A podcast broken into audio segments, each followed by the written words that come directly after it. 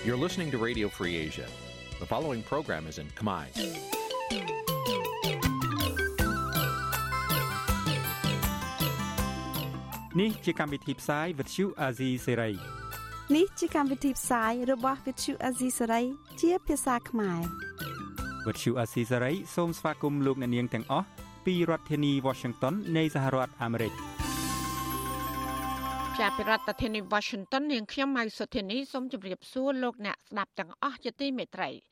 ចាយើងខ្ញុំសូមជូនការផ្សាយសម្រាប់ព្រឹកថ្ងៃសៅរ៍11កើតខែមិញឆ្នាំឆ្លូវត្រីស័កពុទ្ធសករាជ2565ហើយដល់ត្រូវនៅថ្ងៃទី12ខែកុម្ភៈគ្រិស្តសករាជ2022ជាដំបូងនេះសូមអញ្ជើញលោកអ្នកនាងកញ្ញាស្ដាប់ព័ត៌មានប្រចាំថ្ងៃដែលមានមេត្តាដូចតទៅ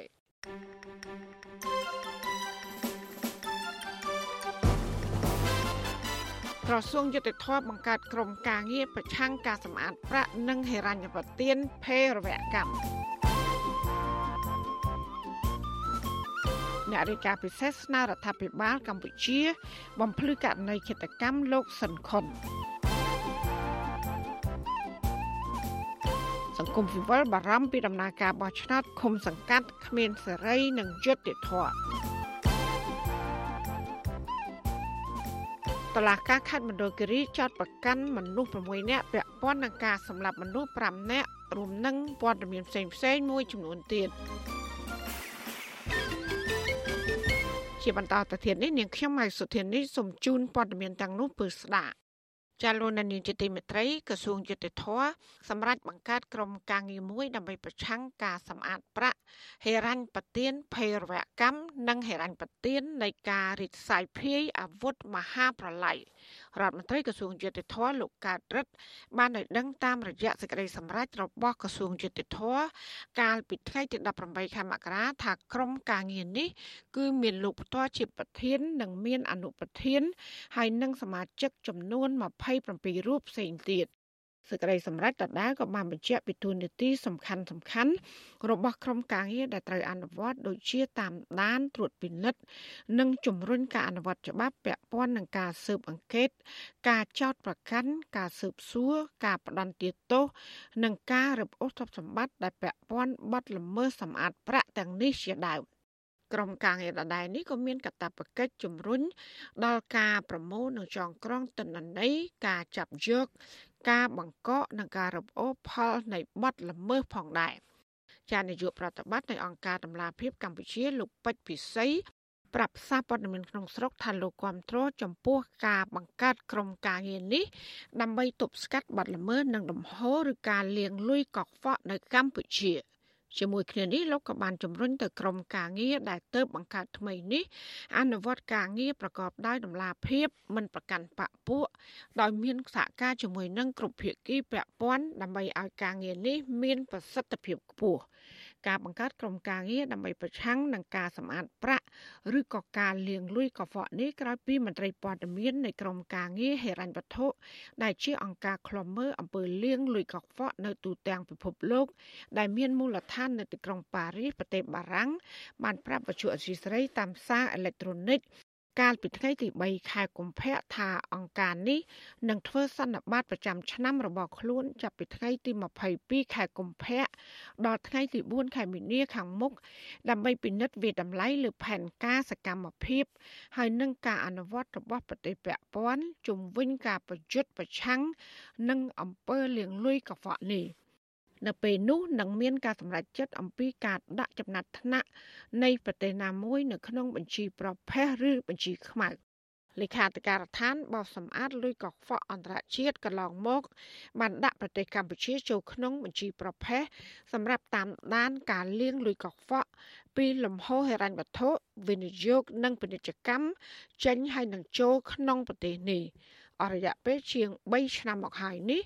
ដែលកម្ពុជាជាប់ឈ្មោះក្នុងចំណាត់ថ្នាក់ជាក្រុមប្រទេសមានហានិភ័យខ្ពស់ខាងអំពើលាងលុយកខ្វក់ដែលពិភពលោកត្រូវបង្កើនការឃ្លាំមើលកាន់តែខ្លាំងក្រុមការងារហេរញ្ញវត្ថុនេះសម្ដែងក្តីកង្វល់របស់ខ្លួនដែលកម្ពុជាបានខកខានมันអាចបំពេញបានតាមផែនការសកម្មភាពដែលបានដាក់ចេញហើយនឹងបានផុតកំណត់ទាំងស្រុងកាលពីខែមករាឆ្នាំ2021 អង្គការនេះក៏បានប្រមានថាកម្ពុជា គួរតែត្រូវចាត់វិធានការឲ្យបានឆាប់រហ័សដើម្បីបំពេញតាមផែនការសកម្មភាពឲ្យបាននៅមុនខែកុម្ភៈនៅឆ្នាំ2022នេះហើយថាបើមិនដូច្នោះទេក្រុមការងារហិរញ្ញវត្ថុនេះនឹងសម្រេចចិត្តជំវិញការចាត់ចំណាត់ថ្នាក់របស់កម្ពុជា។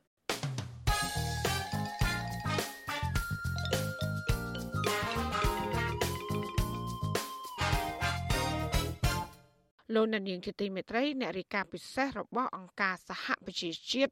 ទទួលបន្ទុកផ្នែកសិទ្ធិមនុស្សប្រចាំកម្ពុជា ស្នើដល់រដ្ឋាភិបាលឲ្យបំភ្លឺនិងផ្ដល់ព័ត៌មានបន្ថែមជុំវិញករណីឃាតកម្មលើសកម្មជនបពប្រឆាំងលោកសុនខុនក្តីបារម្ភនេះធ្វើឡើងដោយសារតែអ្នកជំនាញបារម្ភពីភាពមិនស៊ីសង្វាក់គ្នា រវាងហេតុផលរបស់ជនសង្ស័យដែលបានអះអាង ប្រាប់សមត្ថកិច្ចនិងសកម្មភាពនយោបាយរបស់ជនរងគ្រោះ។ ចាប់ពីរដ្ឋធានី Washington លោកទីនសាករារីកាព័ត៌មាននេះនៅរីកាពិសេសរបស់អង្គការសហប្រជាជាតិទទួលបន្ទុកផ្នែកសិទ្ធិមនុស្សប្រចាំនៅកម្ពុជាទាមទាររដ្ឋាភិបាលស៊ើបអង្កេតករណីឃាតកម្មសកម្មជនគណបកប្រឆាំងលោកសិនខុននៅកណ្ដាលក្រុងភ្នំពេញនោះដោយឯករាជ្យនិងឥតលំអៀងពីព្រោះថាករណីនេះសង្ស័យថាពាក់ព័ន្ធនឹងរឿងនយោបាយនៅរីកាពិសេសរបស់អង្គការសហប្រជាជាតិទទួលបន្ទុកផ្នែកសិទ្ធិមនុស្សប្រចាំនៅកម្ពុជាលោកវិទិតមុនតាបនបានលើកឡើងកាលពីថ្ងៃទី10កុម្ភៈថាសកម្មជននយោបាយលោកសិនខុន ត្រូវបានគេកាប់សម្លាប់នឹងកំបិតនៅខណ្ឌជ្រោយចង្វាររាជធានីភ្នំពេញកាលពីថ្ងៃទី21វិច្ឆិកាឆ្នាំ2021ហើយជនដៃដល់បានលោតទៅលើម៉ូតូអ្នកសំកំណិតរួចគេចខ្លួនបាត់លោកបន្តថាមុនឃាតកម្មនេះកើតឡើងប្រហែលជា2សប្តាហ៍សកម្មជនគណបកប្រឆាំងរូបនេះទទួលបានសារព្រមានថាអ្នកនៅតែមិនទាន់ឈប់ធ្វើសកម្មភាពនយោបាយទៀតបន្ទាប់ពីបាក់ដៃហើយតើអ្នកឯងចង់បាក់ដៃម្ដងទៀតឬលោកវិទិតមុនតបនឲ្យដឹងថារឿងរ៉ាវដ៏រន្ធត់នេះរូបលោក និងអ្នករាយការណ៍ពិសេសស្ដីពីការសម្លាប់ភ្លាមភ្លាមឬតាមអំពើចិត្តនៅក្រៅប្រព័ន្ធតុលាការនិងអ្នករាយការណ៍ពិសេសស្ដីពីការលើកកម្ពស់និងការពារសិទ្ធិសេរីភាពក្នុងការបញ្ចេញមតិបានសរសេរលិខិតមួយច្បាប់ផ្ញើទៅកាន់បេសកកម្មអចិន្ត្រៃយ៍របស់រដ្ឋាភិបាលកម្ពុជាដោយសម្ដែងការព្រួយបារម្ភយ៉ាងខ្លាំងអំពីស្ថានភាពជំវិញការស្លាប់របស់សកម្មជនបកប្រឆាំងនេះជាពិសេសចំពោះប្រវត្តិនៃការវាយប្រហារនិងការបំផិតបំភ័យប្រឆាំងនឹងរូបគាត់ដែលហាក់ដូចជាមានទំនាក់ទំនងនឹងសកម្មភាពនយោបាយរបស់លោកសិនខុន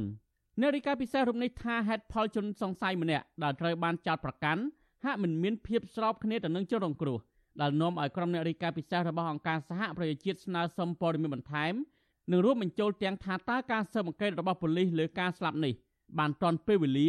មានប្រសិទ្ធភាពម៉ត់ចត់ឯករាជ្យមិនលំអៀងនិងដំណាភាពស្របតាមពិធីសារមនីសុតាឆ្នាំ2016ស្ដីពីការស៊ើបអង្កេតករណីឃាតកម្មប្រព្រឹត្តដោយអាជ្ញាធរ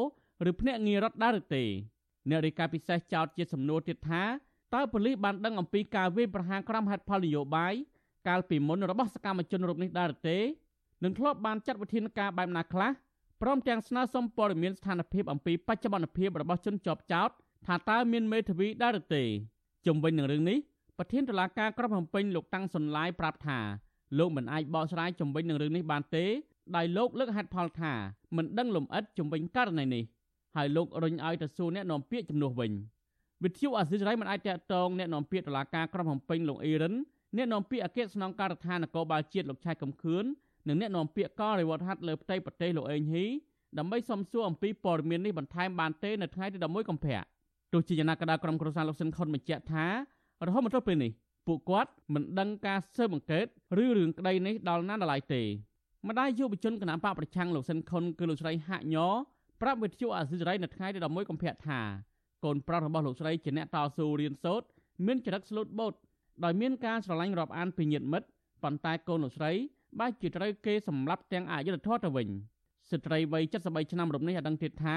លោកស្រីនិងប្តីនៅតែសោកស្ដាយនិងនឹករលឹកដល់កូនប្រុសជាខ្លាំងខណៈប្តីធ្លាក់ខ្លួនឈឺធ្ងន់និងគ្រូសាក្រីក្រមិនមានលទ្ធភាពតាមដានដំណើររឿងក្តីពិតប្រាកដដើម្បីស្វែងរកយុត្តិធម៌ដល់កូននោះ ទោះជាយ៉ាងណាលោកស្រីគាំទ្រចំពោះការលើកឡើងរបស់អ្នករាយការណ៍ពិសេសរបស់អង្គការសហប្រជាជាតិនិងអង្គការសិទ្ធិមនុស្សទាក់ទងនឹងការស៊ើបអង្កេតដោយឯករាជ្យជុំវិញនឹងឃាតកម្មរបស់កូនប្រុសនេះកូនចាប់ហើយធ្វើ7ថ្ងៃហើយឲ្យចាប់ទៅដួលមើលគាត់រហូតដល់ឥឡូវហ្នឹងចាគាត់ដល់គ្រួសារខ្ញុំមកខ្ញុំជោគដែរនៅយំទៅសប្ថ្ងៃហ្នឹងកូនណាត់កូនពេកកូនឆ្លូតពេកកូនមិនចេះហូបមិនចេះទឹកមិនចេះស៊ីទៀតចាដូចជាសម្រាប់កូនជំងឺពេក តែនឹងរយុទ្ធធរខ្ញុំចុះព្រោះអីខ្ញុំទៅរួចទេលោកស៊ិនខុនអាយុ41ឆ្នាំគឺជាយុវជនគណៈបកសង្គ្រោះជាតិខណ្ឌជ្រោយចង្វាររាជធានីភ្នំពេញ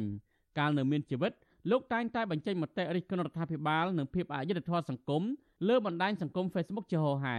រហូតដល់ត្រូវបានគេគំរាមកំហែងនិងវាយឲ្យរងរបួសបាក់ដៃម្ដងរួចមកហើយមុនគេសម្លាប់ទោះជារងការវាយដំយ៉ាងណាក្តីលោកនៅតែរក្សាចំហនយោបាយគាំទ្រគណៈបកសង្គ្រោះជាតិបញ្ចេញមតិរិះគន់បញ្ហានានា និងចូលរួមទាមទារឲ្យមានយុត្តិធម៌សង្គមដដែលក្រោយមកលោកស៊ិនខុនត្រូវបានជុំមិនស្គាល់មុខកាប់ត្រូវជាច្រើនកំបិតនៅលើដងខ្លួនបណ្ដាលឲ្យស្លាប់នៅមាត់ទន្លេក្បែរវត្តចាស់សង្កាត់ជ្រោយចង្វាខណ្ឌជ្រោយចង្វារាជធានីភ្នំពេញកាលពីវេលាម៉ោង1យប់ឈានចូលថ្ងៃទី21វិច្ឆិកាបន្ទាប់មកជនសង្ស័យម្នាក់ឈ្មោះសៀងឆរតបានអះអាងថាលោកជាអ្នកកាប់សម្លាប់លោកស៊ិនខុនមកពីបញ្ហាគំនុំផ្ទាល់ខ្លួន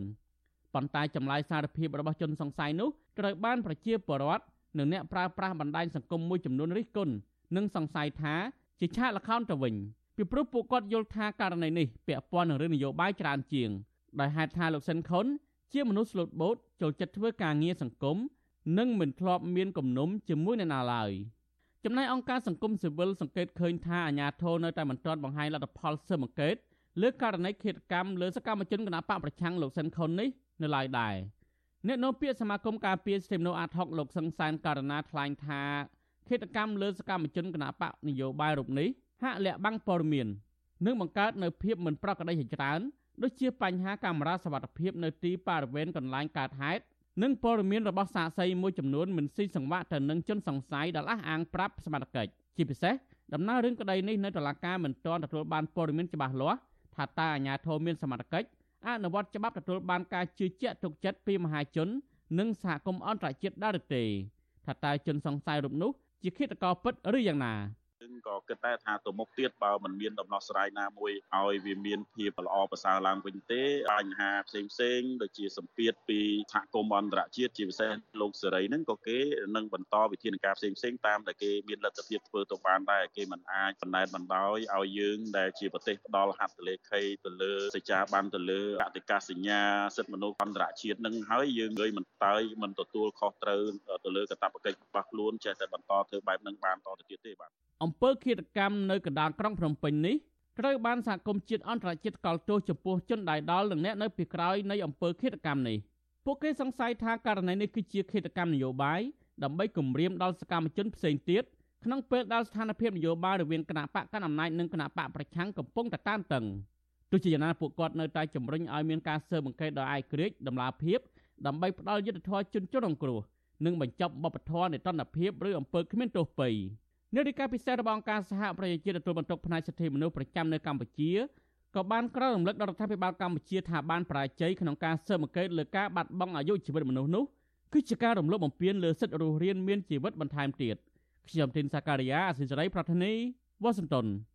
ចាលោកនានីជាទីមេត្រីតកតងនឹងស្ថានភាពមន្ត្រីបពប្រឆាំងដែលកំពុងជាប់ឃុំក្នុងពន្ធនាគារវិញមេធាវីការពារក្តីឲ្យមេឃុំគណៈបកសង្គ្រោះជាតិគឺលោកស្រីឡាញ់ថាវរីអះអាងថាតឡាការក្រុងភ្នំពេញ បានចេញដោយការឃុំខ្លួនកូនក្តីរបស់លោកជាង3ខែមកហើយប៉ុន្តែនៅមិនទាន់កំណត់ពេលសវនាការចូលបំភ្លឺនៅឡើយ មន្ត្រីសង្គមស៊ីវិលព្រួយបារម្ភពីស្ថានភាពជំងឺរបស់អ្នកជាប់ឃុំរូបនេះនិងស្នើឲ្យតុលាការដោះលែងឲ្យគាត់មានសេរីភាពឡើងវិញមេធាវីការពីក្តីឲ្យមេឃុំគណៈបកសង្គ្រោះជាតិឲ្យដឹងថាតឡាការក្រុងភ្នំពេញ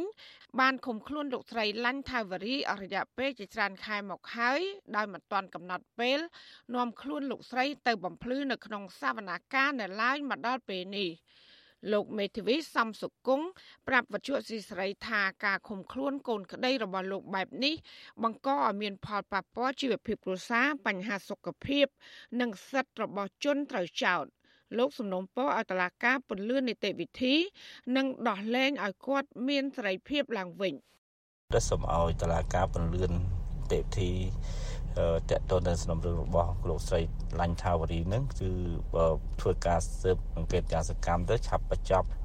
តេទីដើម្បីបញ្ជូនទៅជំនុំជម្រះឬក៏ដោះលែងឲ្យគាត់មានសេរីភាពទៅតាមតេទីច្បាប់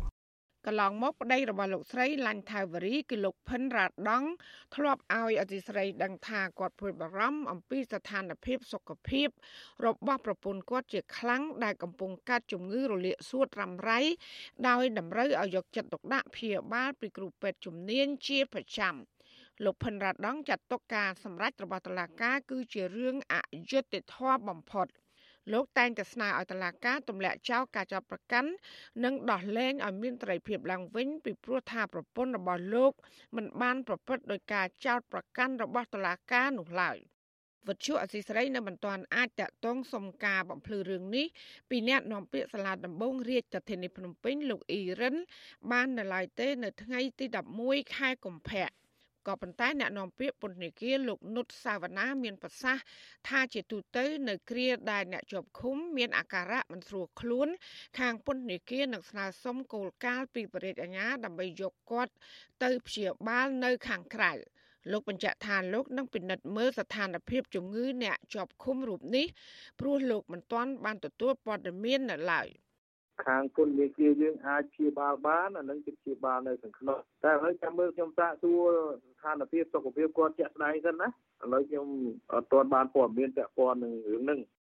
លោកស្រីឡាញ់ថៃវរីគឺជាមេឃុំជាប់ឆ្នោតគណៈបកប្រឆាំង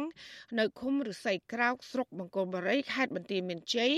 កាលពីឆ្នាំ2017 ហើយលោកស្រីបានរត់ភៀសខ្លួនទៅប្រទេសថៃជាង4ឆ្នាំ និងត្រូវបានទទួលស្គាល់ឋានៈជាជនភៀសខ្លួនដោយឧត្តមស្នងការអង្គការសហប្រជាជាតិទទួលបន្ទុកជនភៀសខ្លួននៅប្រទេសថៃអាញាធរថៃបានចាប់ខ្លួនលោកស្រីកាលពីថ្ងៃទី19ខែវិច្ឆិកានិងបានបញ្ជូនមកកម្ពុជាវិញ តាមច្រកព្រំដែនអន្តរជាតិប៉ោយប៉ែតកាលពីព្រឹកថ្ងៃទី20ខែវិច្ឆិកា បន្ទាប់មកតឡាការក្រុងភ្នំពេញ បានចោទប្រកាន់កូនក្តីរបស់លោកពីបទញុះញង់បង្កឲ្យមានភាពវឹកវរធ្ងន់ធ្ងរដល់សន្តិសុខសង្គមតាមមាត្រា494និង495នៃក្រមព្រហ្មទណ្ឌនិងបានបញ្ជូនឃុំខ្លួនទៅពន្ធនាគារប្រៃសណកាលពីថ្ងៃទី21ខែវិច្ឆិកា ឆ្នាំ2021 ជុំវិញរឿងនេះមន្ត្រីនាំពាក្យសមាគមការពារសិទ្ធិមនុស្សអាត6លោកសង្សានករណាបញ្យល់ថានៅគ្រាដែលអ្នកជាប់ឃុំមានជំងឺធ្ងន់ធ្ងរអ្នកដែលទទួលខុសត្រូវខាងពន្ធនាគារត្រូវបញ្ជូនមកព្យាបាលនៅខាងក្រៅជាបន្ទាន់លោកថាតឡាកាគូពិចារណាដោះលែងមេឃុំគណៈបពប្រឆាំងរូបនេះតាមសំណើរបស់មេធាវីដើម្បីឲ្យគាត់អាចព្យាបាលជំងឺនិងជួបជុំក្រុមគ្រួសារ គួរតែមានការពិចារណាដោះលែងគាត់ឲ្យបាននៅក្រៅឃុំឲ្យបានមានព្យាបាលជំងឺរបស់គាត់ឲ្យបានជាសះស្បើយផងព្រោះបើមិនចឹងទេបើសិនជាបន្តឃុំយើងមានការព្រួយបារម្ភក្រែងលោមានការគ្រោះថ្នាក់ទៅដល់អាយុជីវិតហ្នឹងគឺការទទួលខុសត្រូវហ្នឹងនឹងធ្លាក់ទៅដល់ខាងពន្ធនាគារនឹងហើយបាទ ក្រៅតែពីលោកស្រីឡាញ់ថាវរីអាញាធរថៃក៏បានចាប់ខ្លួនសកម្មជនគណៈបកប្រឆាំងពីរនាក់ទៀតដែលមានឋានៈជាជនភៀសខ្លួនគឺលោកវឿងសំណាង និងលោកវឿនវាសនាហៅកញូងព្រៃឡង់ដោយបានបញ្ជូនអរដ្ឋាភិបាលលោកហ៊ុនសែនហើយតឡាកាក៏បានចោទប្រកាន់ពួកគេទាំងពីរអំពីបទរួមគំនិតក្បត់ដោយដាក់ពន្ធនាគារប្រៃសណអាស៊ីសេរី លោកនាងកញ្ញាកំពុងស្ដាប់ការផ្សាយរបស់វិទ្យុអាស៊ីស្រីផ្សាយចេញពីរដ្ឋធានី Washington សង្គមស៊ីវិលនិងអ្នកវិភាគសង្គមមើលឃើញថាវិបត្តិនយោបាយនៅកម្ពុជានៅមិនទាន់បានដោះស្រាយហើយបរិយាកាសនយោបាយវិញក៏នៅមិនទាន់មានអំណោយផលដល់គណៈបកនយោបាយប្រឆាំងចូលរួមការបោះឆ្នោតប្រកបដោយភាពសេរីនិងយុត្តិធម៌នៅឡើយការលើកឡើងនេះធ្វើឡើងនៅគ្រាដែលក្រុមអង្គការសង្គមស៊ីវិល បានដាក់សំណើ6ចំណុចឲ្យរដ្ឋាភិបាលលោកហ៊ុនសែនដោះស្រាយដើម្បីធានាឲ្យមានការបោះឆ្នោតមួយដែលប្រព្រឹត្តទៅដោយសេរីត្រឹមត្រូវនិងយុត្តិធម៌ចាសសេចក្តីរាយការណ៍ពុស្ដាអំពីរឿងនេះលោកអ្នកនាងនឹងបានស្ដាប់នាពេលបន្តិចទៀតនេះ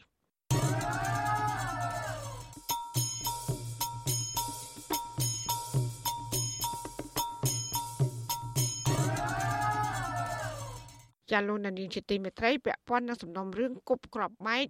កាលពីឆ្នាំ1997ក្រុមអ្នកវិភាគលើកឡើងថាតឡាកាបារាំងបានសម្រេចចាប់ប្រកាន់ក្រុមមេកងអង្គរៈលោកហ៊ុនសែនពីបទសំគំនិតប៉ុនប៉ងសម្រាប់មនុស្សក្នុងករណីបោកក្របបែកកាលពីឆ្នាំ1997នោះធ្វើឲ្យរដ្ឋាភិបាលលោកហ៊ុនសែនអាម៉ាស់មុខលើឆាកអន្តរជាតិថែមទៀត ចាប់ពីរដ្ឋធានី Washington លោកលេងម៉ាលីរាយការណ៍ព័ត៌មាននេះ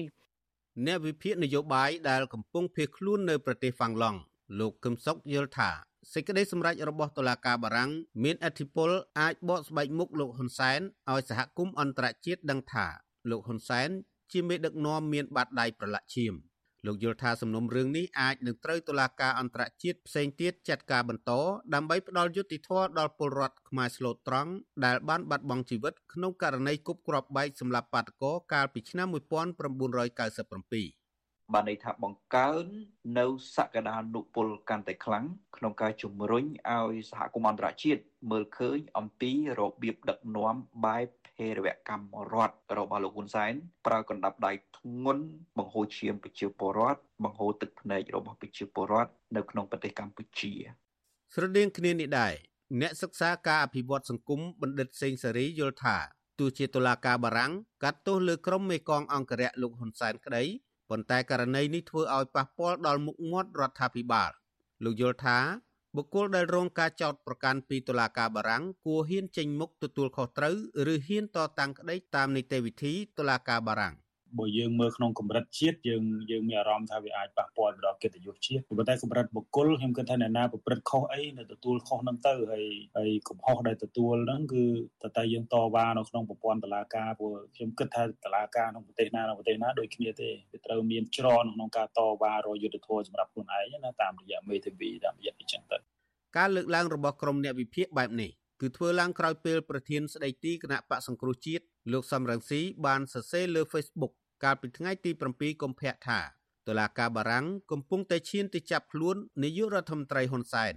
លោកឲ្យដឹងទៀតថាមេធាវីការពារក្តីរបស់លោកអះអាងថាបើលោកហ៊ុនសែនមិនមានអភ័យឯកសិទ្ធិការទូតទេគាត់នឹងចូលក្រចកសេះជំនួសមេបញ្ជាការកងអង្គរៈគឺលោកហ៊ីងប៊ុនហៀងនិងអតីតមេបញ្ជាការកងអង្គរៈលោកហ៊ុយពិសិដ្ឋនិងសពថ្ងៃជារដ្ឋលេខាធិការក្រសួងការពារជាតិដែលត្រូវតុលាការបារាំងចោទប្រកាន់ពីបទសំគំនិតប៉ុនប៉ងសម្លាប់មនុស្ស កាលពីជាង20ឆ្នាំមុនលោកសំរងស៊ីនិងភរិយាបានដាក់ពាក្យប្តឹងមួយនៅតុលាការបារាំងក្នុងទីក្រុងប៉ារីសដោយសារតែអ្នកទាំងពីរមានសញ្ជាតិបារាំងលោកថាបណ្ដឹងនោះស្នើសុំវេចមុខជនអូក្រិតដែលបានវាយប្រហារដោយគ្រាប់បែកលើក្រុមមនុស្សកំពុងធ្វើបាតកម្មដោយសន្តិវិធីកាលពីថ្ងៃទី30ខែមីនាឆ្នាំ1997នៅក្រុងភ្នំពេញ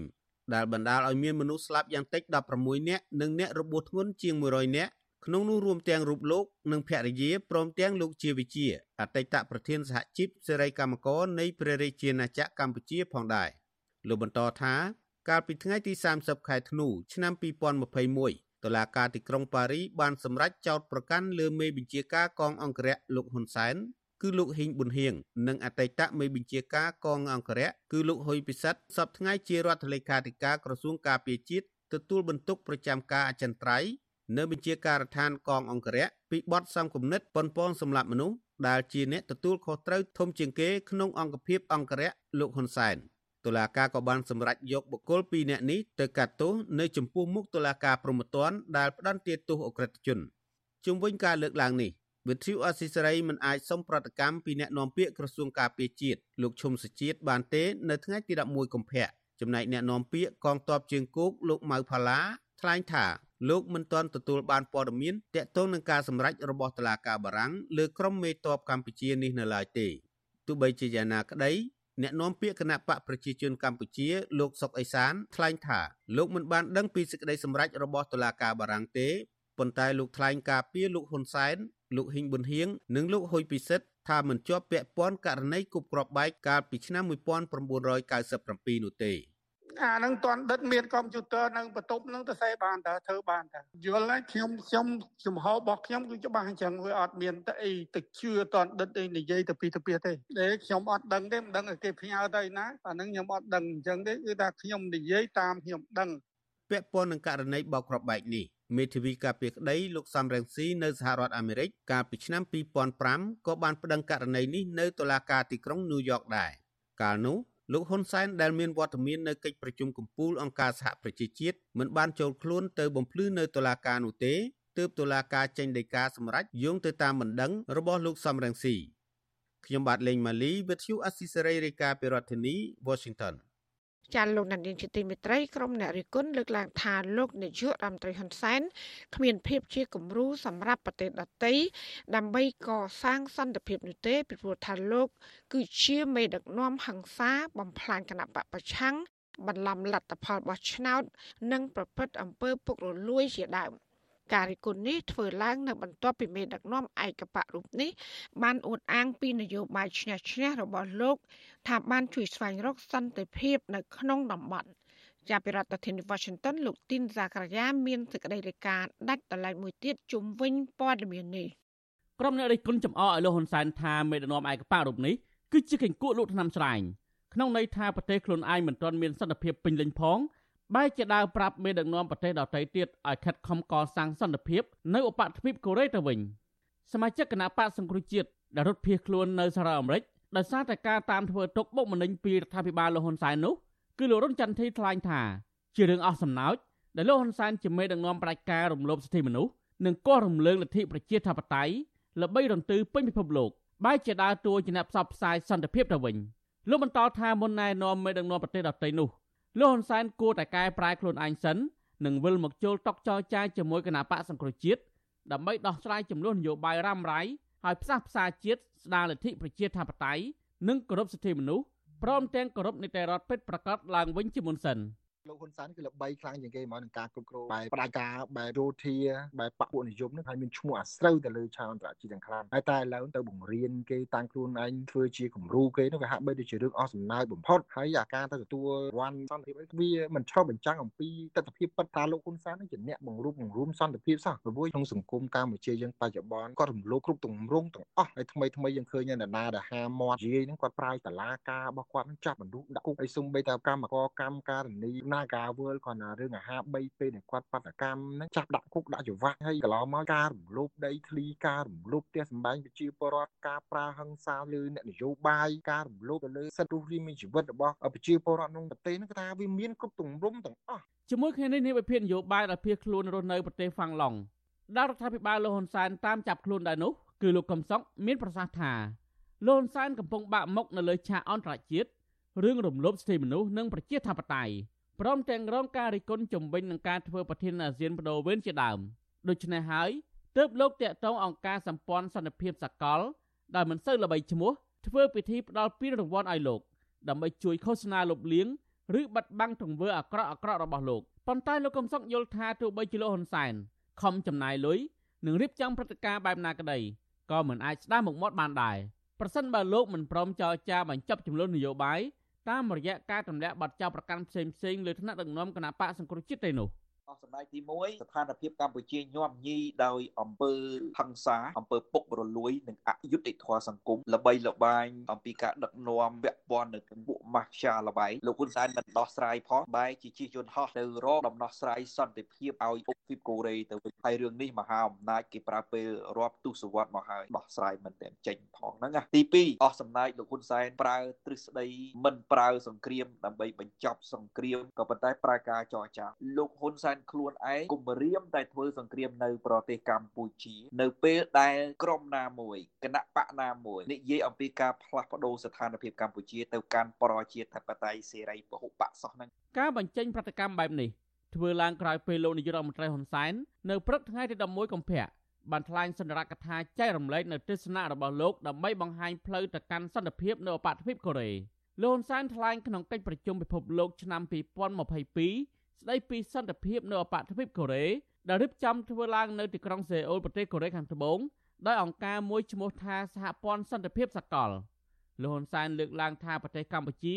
និងតំបន់មេគង្គអាចផ្ដល់មេរៀនស្ដីពីការកសាងសន្តិភាពនិងការបង្រួបបង្រួមជាតិលោកបន្តថាគោលនយោបាយឆ្នះឆ្នះរបស់លោកអាចជាការជំរុញលើកទឹកចិត្តនិងជាប្រភពនៃការស្រាវជ្រាវសម្រាប់ប្រទេសនានាដើម្បីកសាងសន្តិភាពមេដឹកនាំដែលចូលចិត្តប្រើភាសាហិង្សា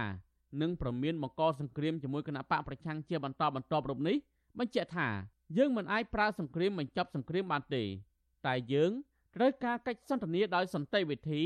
និងការចរចាឈ្នះឈ្នះដើម្បីបញ្ចប់សង្គ្រាមខ្ញុំផ្ទាល់សូមស្នើឲ្យកូរ៉េទាំងពីរនិងភាគីពាក់ព័ន្ធនានាសម្រាប់សិទ្ធិសញ្ញាសន្តិភាព ឲ្យបានឆាប់រហ័សដើម្បីធានាបាននៅសន្តិភាពអចិន្ត្រៃយ៍នៅលើអុកតូភីបកូរ៉េខ្ញុំសូមអរគុណដល់គ្រប់ភាគីពាក់ព័ន្ធទាំងអស់បន្តជំរុញកិច្ចសហប្រតិបត្តិការផ្អែកលើទំនុកចិត្តនិងភាពជាដៃគូរ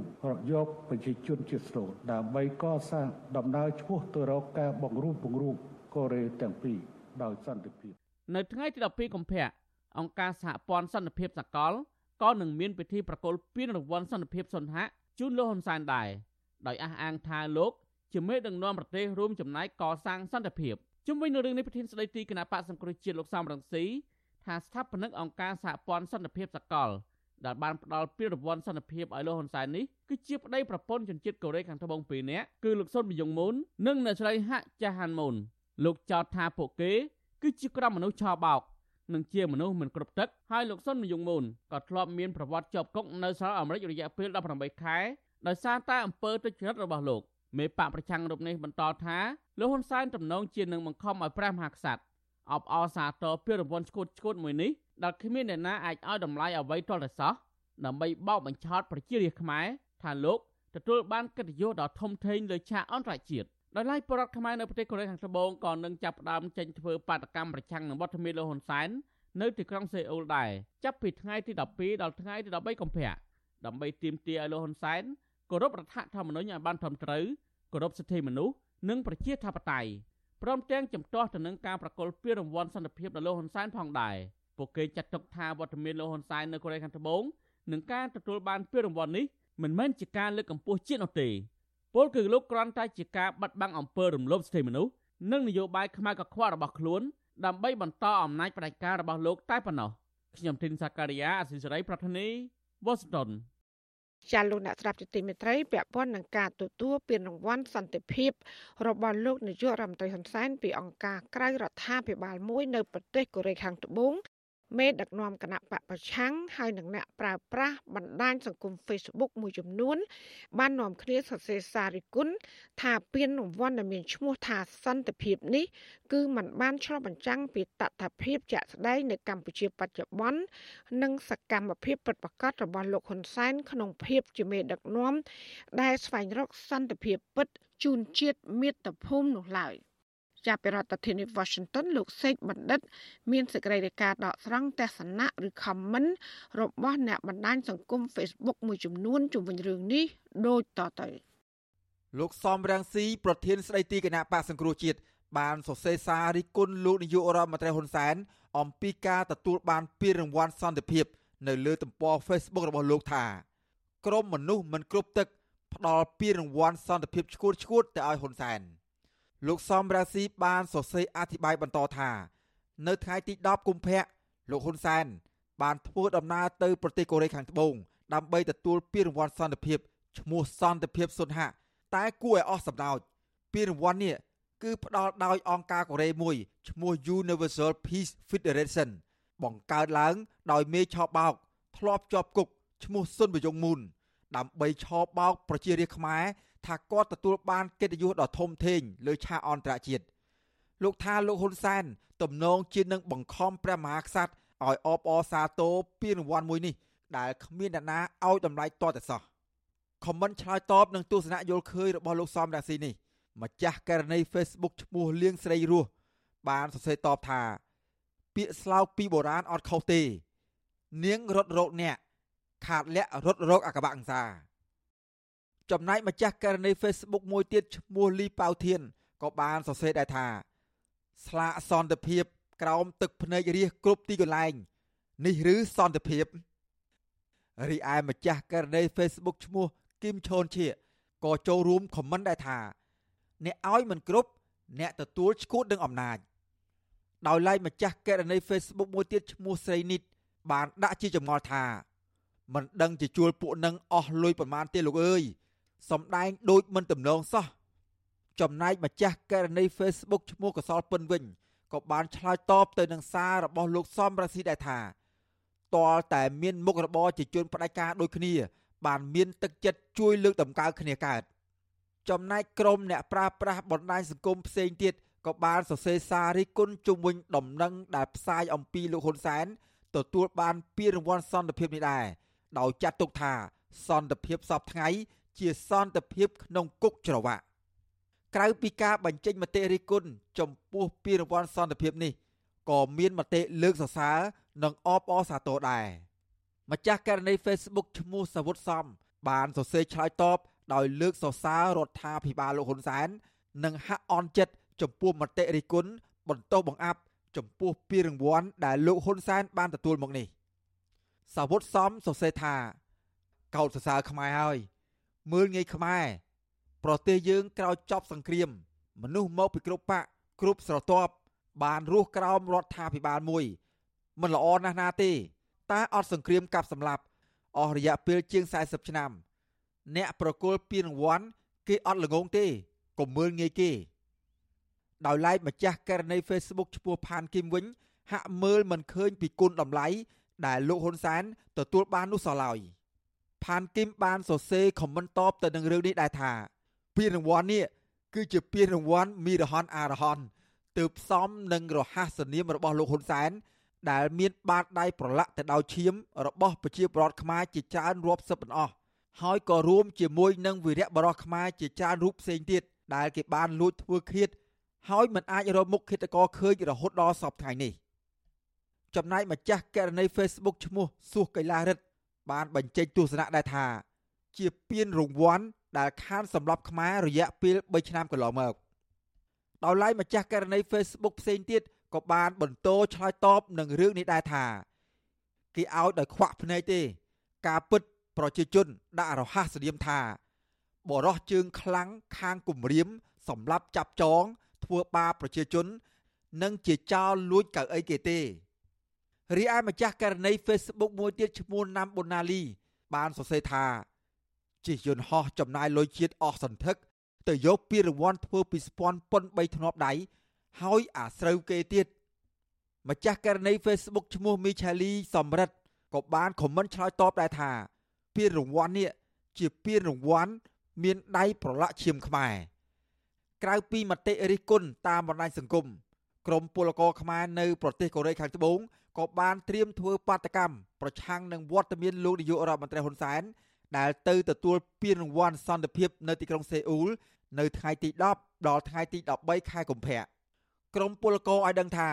ពួកគេជួបជុំគ្នានៅថ្ងៃសៅរ៍ទី12និងថ្ងៃអាទិត្យទី13កុម្ភៈដើម្បីធ្វើបាតកម្មដោយអហិង្សា ដោយមានដុតភ្លើងទៀនចាក់ភ្លេងកំសត់និងលើកបដាជាច្រើនផ្ទាំងដែលនិយាយអំពីសោកនាដកម្មលើពលរដ្ឋខ្មែរ ការរំលោភសិទ្ធិមនុស្សនិងការសម្លាប់ប្រជាធិបតេយ្យនៅកម្ពុជា ពួកគេថាលោកហ៊ុនសែនមិនមែនជាមេដឹកនាំដែលស័កសមនឹងទទួលបានពានរង្វាន់ឈ្មោះថាសន្តិភាពនេះទេរីឯអ្នកវិភាគវិញថាលោកហ៊ុនសែនមកទទួលពានរង្វាន់សន្តិភាពคล้ายៗតែប៉ុណ្ណោះខ្ញុំបាទសេកបណ្ឌិតវុទ្ធុអាស៊ីសេរីពីរដ្ឋធានីវ៉ាស៊ីនតោន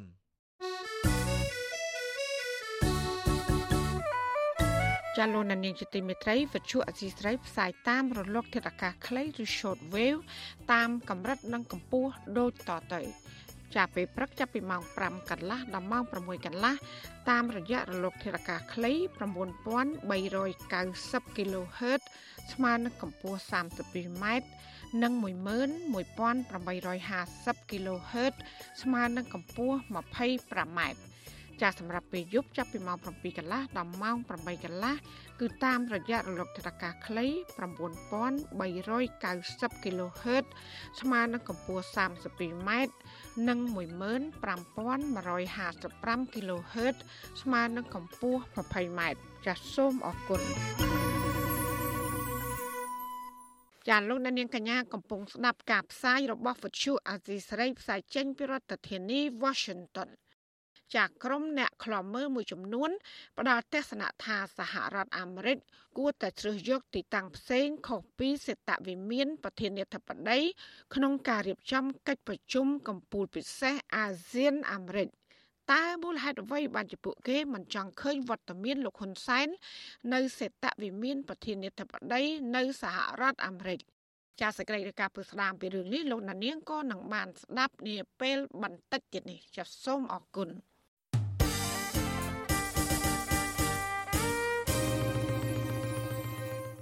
លោកណានីជាទីមេត្រីតឡាការខេត្តមណ្ឌលគិរី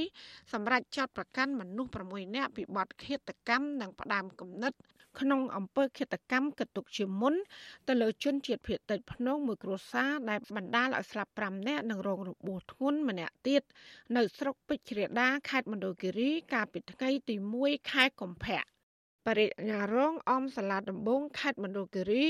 លោកសៀវងីឈွမ်းបានប្រាប់វីដេអូឌីថាជនសង្ស័យទាំង6នាក់នោះ បានប្រាប់សមត្ថកិច្ចថាមូលហេតុដែលពួកគេសម្លាប់ជនរងគ្រោះនោះ គឺដោយសារតែចេះអំពើអាបធ្មប់និងបានធ្វើអំពើទៅលើក្រុមគ្រួសាររបស់ពួកគេជនជាប់ចោតទាំង6នាក់ត្រូវបានតឡាការចោតប្រកាន់ ពីបទឃាតកម្មគិតទុកជាមុននិងបទផ្ដើមគំនិតក្នុងអំពើឃាតកម្មគិតទុកជាមុនតាមមាត្រា28និងមាត្រា200នៃក្រមព្រហ្មទណ្ឌ ចំពោះការចាប់ប្រកាន់នេះទីប្រឹក្សាបណ្ដាញសហគមន៍ជនជាតិដើមភាគតិចភ្នងនៅខេត្តមណ្ឌលគិរីលោកក្រាងដុល្លារបានប្រាប់វត្ថុអាស៊ីសេរី កាលពីយប់ថ្ងៃទី11ខែកុម្ភៈថាបើតាមបរិវត្តរស់នៅក្នុងភូមិជាមួយជនរងគ្រោះគ្រួសារនេះពុំមានចេះអំពើអាបធ្មប់នោះឡើយក៏ប៉ុន្តែលោកថាមុនឃាតកម្មលើជនរងគ្រោះជនសង្ស័យនិងជនរងគ្រោះបានឈ្លោះដណ្ដើមដីធ្លីគ្នាកាលពីប្រមាណខែមុន។ អឺអាហ្នឹងក៏ជាការបានស្មានទេដោយសារអឺកាលពីប្រហែលខែមុនហ្នឹងគឺគាត់ធ្លាប់ចំនួនរឿងដើមដីធ្លីប៉ុន្តែអាហ្នឹងវាយូរហើយប្រហែលជា4 5ខែមុនអញ្ចឹងណាប៉ុន្តែដល់ពេលគេចាប់បានហ្នឹងគេថាដោយសារគេចាប់បានគេសួរដល់ពេលគេសួរគេថារឿងនេះគឺដោយសាររឿងគំនុំអាប់ធ្មប់បាទគំនុំអាប់ធ្មប់ថាចោតអ្នកអ្នកដែលងាប់ហ្នឹងថាគាត់ចេះអាប់ធ្មប់ ប៉ុន្តែអ្នកភូមិគាត់អឺគាត់ថាមនុស្សនេះអត់ដែលចេះអាប្រកទេ ជាមនុស្សសាមញ្ញទេអ្នកភូមិណាអញ្ចឹងរឿងនោះដែលរឿងដែលទាំងដែលប៉ັດប្រកាសយើងអត់ទាន់ដឹងជាលក្ខបាទសមត្ថកិច្ចឲ្យដឹងទៀតថាជនសង្ស័យនិងជនរងគ្រោះមានទីលំនៅជិតខាងគ្នាហើយក្នុងចំណោមជនរងគ្រោះដែលស្លាប់ទាំង5នាក់នោះគឺមានម្នាក់ជាប្អូនបង្កើតជនជាប់ចោត អ្នកស្លាប់ទាំង5នាក់នោះគឺមានមួយគ្រួសារប្តីប្រពន្ធនិងកូន2នាក់ហើយនឹងក្មេងប្រុសអាយុ15ឆ្នាំម្នាក់ដែលជាអ្នកចិត្តខាងចំណែកក្មេងប្រុសម្នាក់ទៀតអាយុ12ឆ្នាំ ដែលជាកូនរបស់ជនរងគ្រោះដែលបានស្លាប់មួយគ្រួសារនោះកំពុងសម្រាប់ព្យាបាលរបួសធ្ងន់នៅឯមន្ទីរពេទ្យកុមារជាតិក្នុងរាជធានីភ្នំពេញ។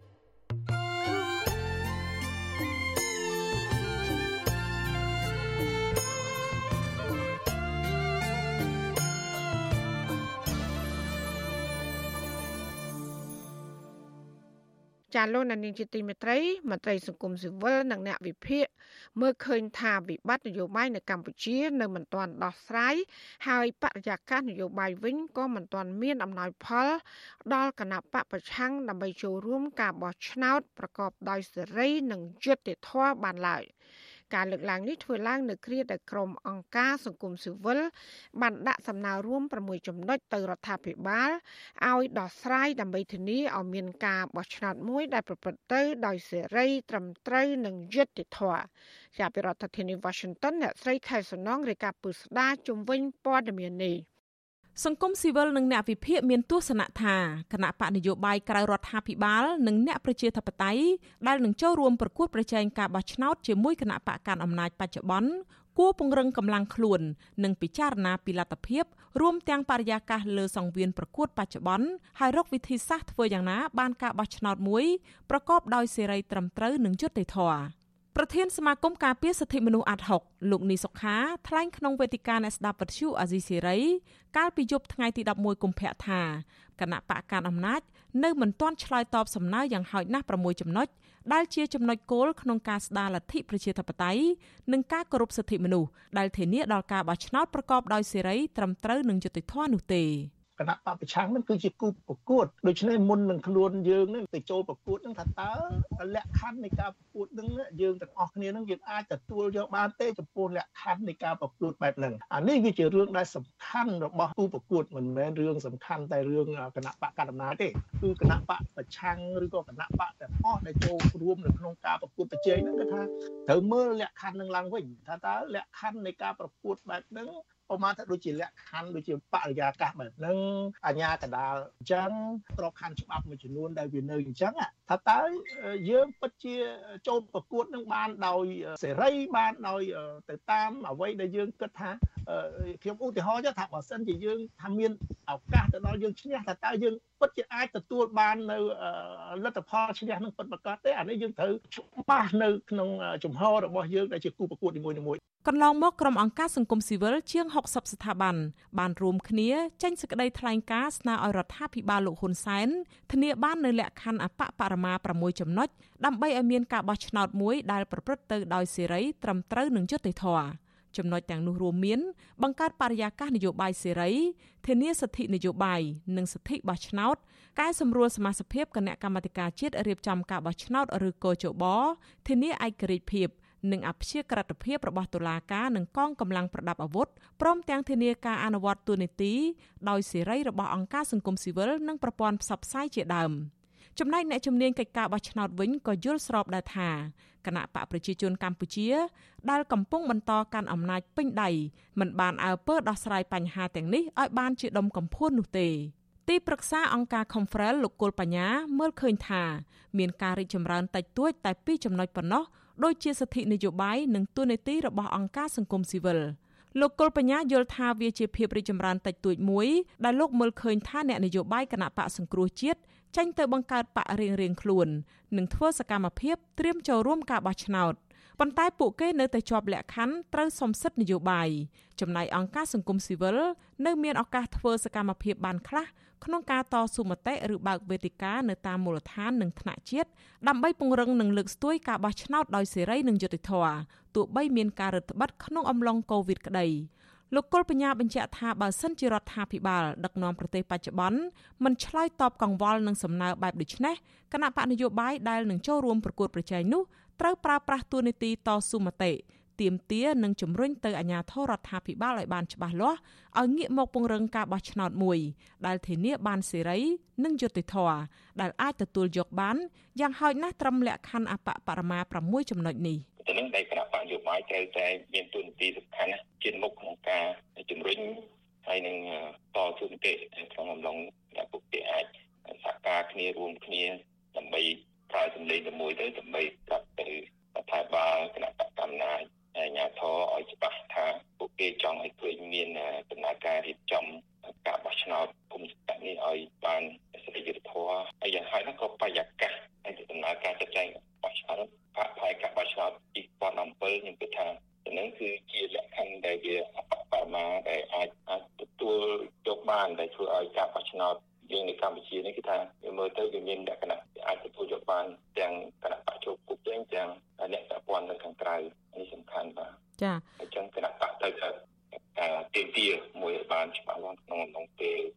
មុនរៀបចំការបោះឆ្នោតគុំសកម្មនេះតកតង បញ្ហានេះអ្នកវិភាគទស្សទាយថាមានតែការរួបរวมប្រមូលផ្ដុំគ្នាចងសម្ព័ន្ធភាពគ្នារបស់គណៈបកនយោបាយឬអ្នកប្រជាធិបតេយ្យដើម្បីប្រជាធិបតេយ្យពិតប្រាកដទេ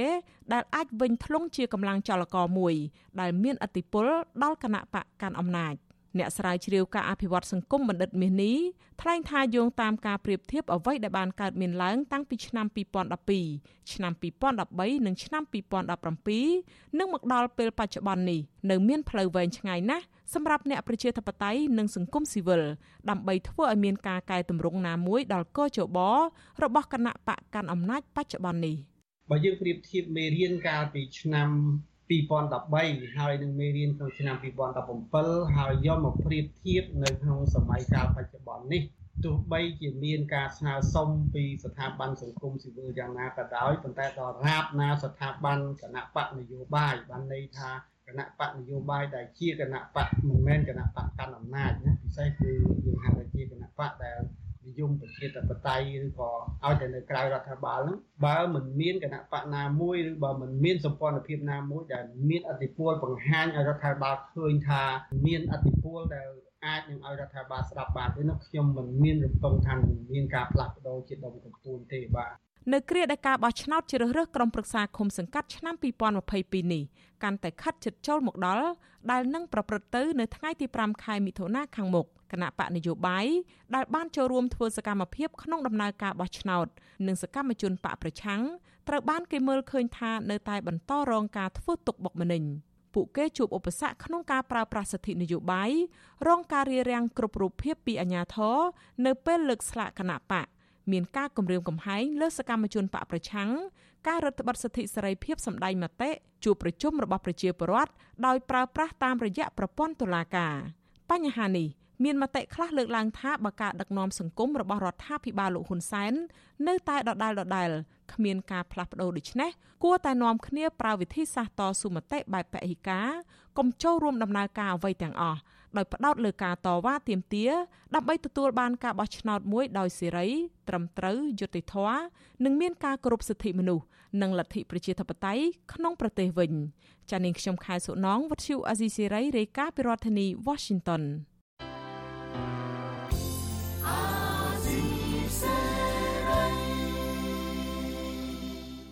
លោកអ្នកស្ដាប់ជាទីមេត្រីក្រុមអ្នកខ្លំមើលមួយចំនួនផ្ដល់ទស្សនៈថាសហរដ្ឋអាមេរិកគួរជ្រើសយកទីតាំងផ្សេងខុសពីសេតវិមានប្រធានាធិបតី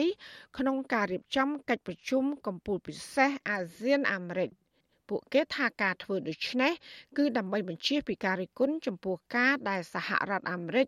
អញ្ជើញក្រុមមេដឹកនាំផ្ដាច់ការនិងមានប្រវត្តិរំលោភសិទ្ធិមនុស្សនិងបំផ្លាញប្រជាធិបតេយ្យនៅតំបន់អាស៊ានមួយចំនួន ដូចជានៅកម្ពុជាអមចូលរួមប្រជុំក្នុងកន្លែងដ៏ពិសិដ្ឋនេះ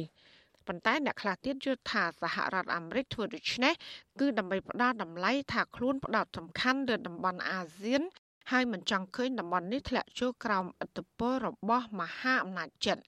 ជាពីរដ្ឋធានី Washington លោកមានរិទ្ធមានសេចក្តីរាយការណ៍ពិស្ដារជំវិញព័ត៌មាននេះបើទោះបីជាមហាជនទូទៅ ដឹងឮជារួមហើយថាបើគុំតែអាមេរិកធ្វើដើម្បីតំបន់អាស៊ានទាំងមូលនិងដើម្បីទប់ទល់នឹងឥទ្ធិពលរបស់ចិនផងនោះលោកនាយករដ្ឋមន្ត្រីហ៊ុនសានទំនងជាអាចនឹងគ្មានឱកាសបានមកស្គាល់សេតវិមានប្រធានាធិបតីអាមេរិកនៅរដ្ឋធានី Washington នោះទេ លទ្ធភាពនៃការអញ្ជើញឲ្យមកចូលរួមប្រជុំនៅសេតវិមានរបស់ប្រធានាធិបតីអាមេរិកនេះទៀតសោតក៏នៅមិនទាន់ប្រកាសប្រជា100%នៅឡើយស្របពេលដែលសហរដ្ឋអាមេរិកនៅមិនទាន់បញ្ជាក់ជាផ្លូវការអំពីការជ្រើសរើសយកទីតាំង និងពេលវេលាពិតប្រាកដនៃការរៀបចំកិច្ចប្រជុំកំពូលពិសេសនេះនៅឡើយទេ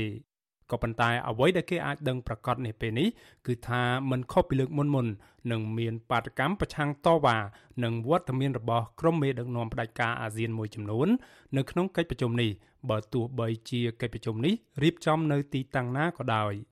ក្រុមអ្នកឃ្លាំមើលនិងអ្នកជំនាញផ្ដល់ការយកឃើញចម្រុះជុំវិញការត្រៀមរៀបចំកិច្ចប្រជុំកំពូលពិសេសនេះ ជាពិសេសជុំវិញលទ្ធភាពដែលសហរដ្ឋអាមេរិកអាចជ្រើសរើសយកទីតាំងសេតវិមានប្រធានាធិបតីធ្វើជាកន្លែងរៀបចំកិច្ចប្រជុំនេះដោយផ្ទាល់អ្នកតាមដានបញ្ហាសង្គមនិងនយោបាយកម្ពុជាបណ្ឌិតសូណារ៉ូដែលកំពុងរស់នៅសហរដ្ឋអាមេរិកមិនជំទាស់ទៅនឹងការជ្រើសរើសយកសេតាវិមានប្រធានាធិបតីអាមេរិកធ្វើជាទីតាំងរៀបចំកិច្ចប្រជុំកំពូលពិសេសនេះទេព្រោះលោកយល់ថាសហរដ្ឋអាមេរិក ចង់ឲ្យតម្លៃខ្លាំងទៅលើយុទ្ធសាស្ត្ររបស់ខ្លួនដើម្បីទប់ទល់ទៅនឹងអធិបតេយ្យរបស់ចិនដែលកំពុងតែកើនឡើងខ្លាំងនៅក្នុងតំបន់អាស៊ានទាំងមូល។ ចឹងដើម្បីបញ្ជាក់ជាមួយនឹងសាធារណជនថាសហរដ្ឋអាមេរិកមើលឃើញអាស៊ាន គឺជាដៃគូជាបេះដូងនៃយុទ្ធសាស្ត្រថ្មីនៅក្នុងការទប់ទល់ជាមួយនឹងរលកកុម្មុយនីស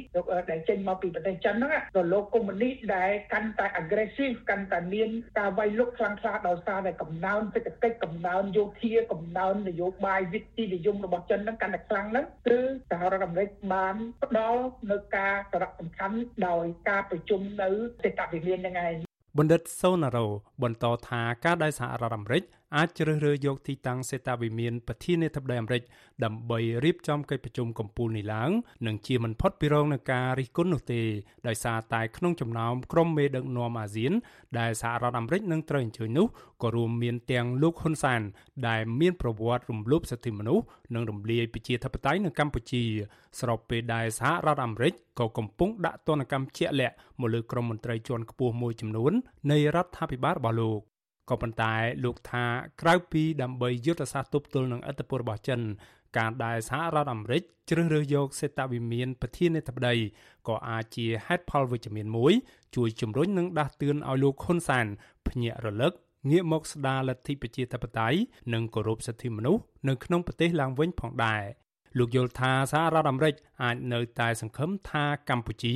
អាចបត់បែននៅក្នុងបញ្ហានេះបានហ៊ុនសែនគាត់ព្យាយាមរឿងតំណាក់នងលើកតម្លៃពួកភូមិក៏តែបរាជ័យអញ្ចឹងមានន័យថាគាត់រឿងខ្លះគាត់អាចដកថយហើយឱកាសនេះក៏ជាឱកាសដែរហ៊ុនសែនក៏ត្រូវកែខ្លួនមួយចំនួនដើម្បីទីហោដូចការដោះលែងលោកកឹមសុខាការដោះស្រាយបញ្ហាការបាត់ កតកនៅណាយ៉ាឬក៏ដោះស្រាយប្រជាធិបតេយ្យមួយចំនួនដើម្បីបំពេញមុខរបស់គាត់មុនពេលនឹងមកសហរដ្ឋអាមេរិកកុំឲ្យសាធារណមតិអន្តរជាតិជាពិសេសសារព័ត៌មានអាមេរិករិះគន់គាត់ខ្លាំងៗនៅលើទឹកដីអាមេរិកយ៉ាងណាក៏ដោយការយល់ឃើញដែលថាលោកហ៊ុនសានអាចនឹងកែមាយាទមកស្ដារប្រជាធិបតេយ្យនិងគោរពសិទ្ធិមនុស្សឡើងវិញនៅកម្ពុជានេះមិនត្រូវបានអ្នកខ្លាំមើលដទៃទៀតយល់ស្របតាមទាំងស្រុងនោះទេ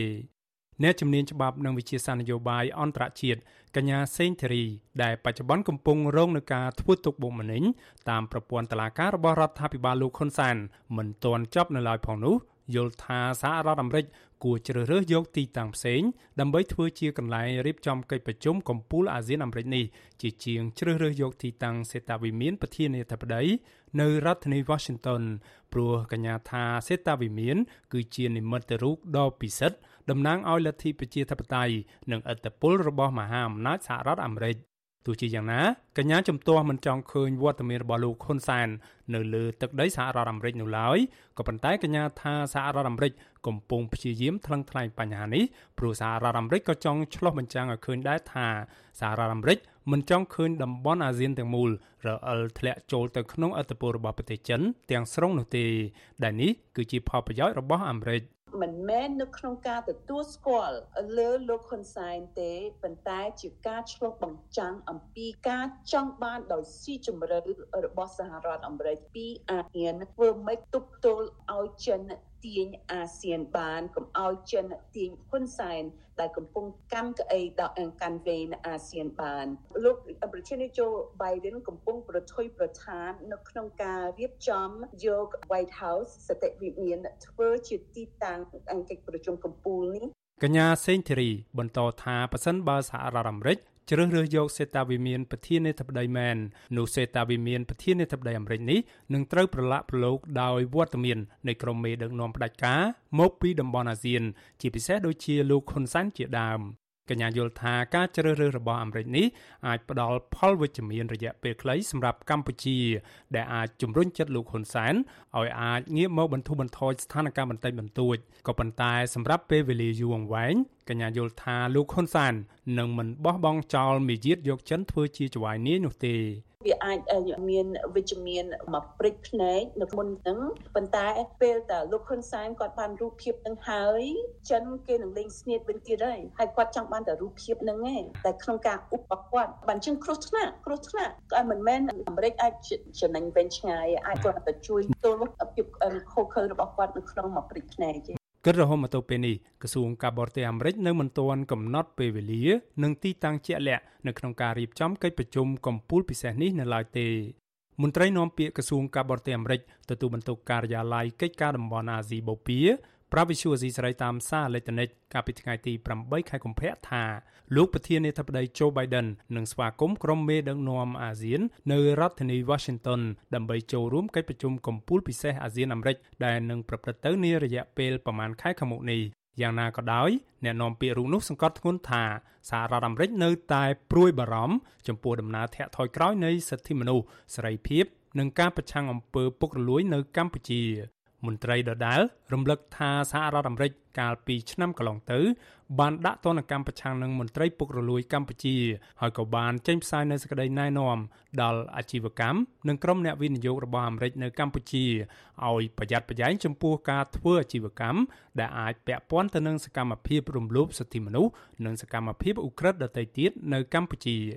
អ្នកនាំពាក្យក្រសួងការបរទេសអាមេរិកទទួលបន្ទុកការិយាល័យកិច្ចការតំបន់អាស៊ីបូព៌ារូបនេះបញ្ជាក់បន្ថែមថា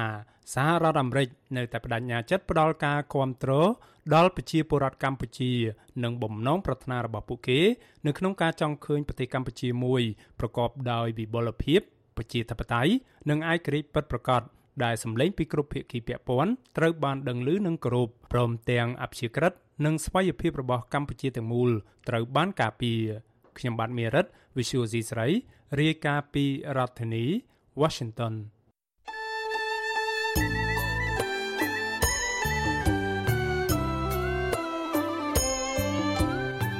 ចាលោកនាងកញ្ញាអ្នកស្ដាប់ជទីមេត្រីកັບផ្សាយរយៈពេល1ម៉ោងនៃវិទ្យុអាស៊ីស្រីជាភាសាខ្មែរនៅពេលនេះចាប់តែប៉ុណ្ណេះ ចាយើងខ្ញុំទាំងអស់គ្នាសូមជូនពរលោកនាងព្រមទាំងក្រុមគូសាទាំងអស់សូមជួបប្រកបតែនឹងសេចក្តីសុខសេចក្តីចម្រើន ជានិរន្តរ៍ចានាងខ្ញុំម៉ៃសុធានីព្រមទាំងក្រុមការងារទាំងអស់នៃវិទ្យុអាស៊ីស្រីសូមអរគុណនិងសូមជម្រាបលា